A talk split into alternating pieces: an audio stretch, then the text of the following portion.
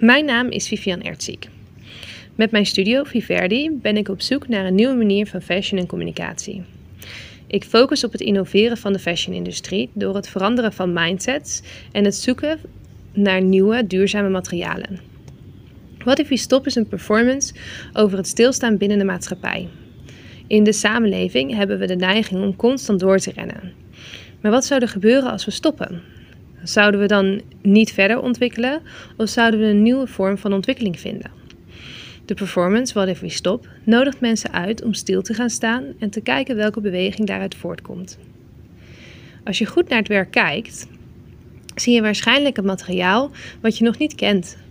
Dit is een materiaal wat ik de afgelopen jaren heb ontwikkeld. Dit materiaal is 90% gerecycled en 100% circulair. Dit betekent dat ik het de volgende keer weer kan gebruiken en er een nieuwe performance van kan gaan maken, zonder dat dit mijn designproces beïnvloedt. Ik ben dit project begonnen uit het idee dat ik de fashion-industrie stapte, waar ik eigenlijk geen deel van uit wil maken.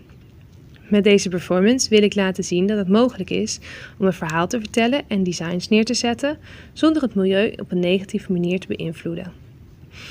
Ook wil ik de fashion-industrie uitnodigen om te kijken naar het bestaande vorm van de industrie. Om een stap terug te nemen in plaats van constant vijf stappen naar voren.